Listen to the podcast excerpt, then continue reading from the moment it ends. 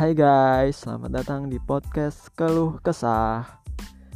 Setelah beberapa purnama kita hanya mampir di Facebook, akhirnya Keluh Kesah terbit juga di podcast. Apa sih Keluh Kesah? Keluh Kesah adalah podcast sederhana yang isinya adalah mengeluh dan mengeluh karena ada banyak keluhan yang patut untuk diceritakan dan layak pula untuk didengarkan.